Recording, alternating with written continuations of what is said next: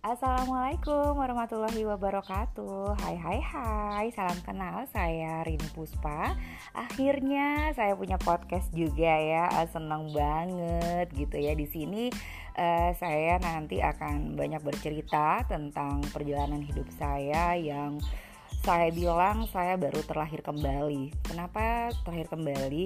Di usia saya yang baru saja 40 tahun di akhir Mei kemarin Saya benar-benar uh, menjalani bulan Juni itu sangat singkat sekali. Uh, makanya saya bilang saya telah kembali setelah saya mendapatkan hadiah spesial dari Allah Subhanahu Wa Taala. Kenapa sih bilang ini hadiah gitu ya? Uh, nanti teman-teman bakal tahu ceritanya. Ikuti terus aja. Kisah-kisah saya di sini.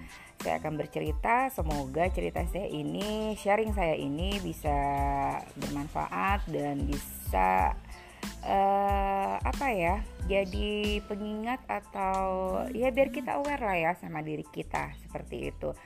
Apa kisahnya seperti apa kisahnya ikuti terus ya. Dah